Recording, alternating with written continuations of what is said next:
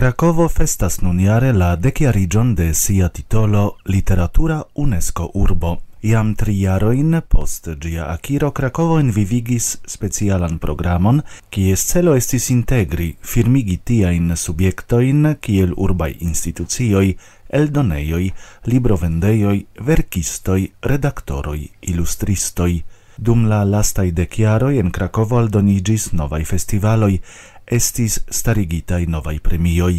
Inter la ciclai eventoi aperis Festivalo de Literaturo cae Infanoi, Festivalo Megabita Bombo, festo de culturo, tecnologio cae scienzo, inspirita per la centa nascigdat reveno de Stanisław Lem. Dis volvigis la Krakova Festivalo de Bildstrio, estis lancita premio de Krakovo kiel literatura UNESCO urbo adresita al creantoi kai eldonistoi de la urbo.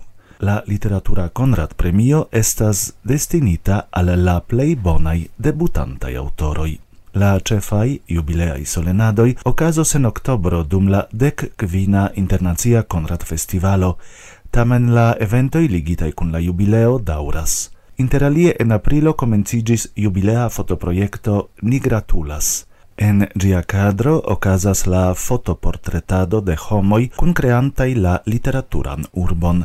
Temas pri verkistoj, eldonistoj, redaktoroj, libro antikvaristoj, bibliotekistoj, reprezentantoj de kulturinstitucioj kaj de aliaj institucioj ligitaj kun la literaturista medio. Krakovo en 2013 estis la unua urbo de la centra orienta Europo kaj la dua post Reykjaviko ne anglalingva urbo kiu ricevis la titolon de literatura UNESCO urbo.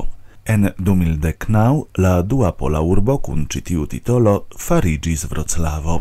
En la mondareto de literaturaj UNESCO urboj membras aktuale kvardek du urboj.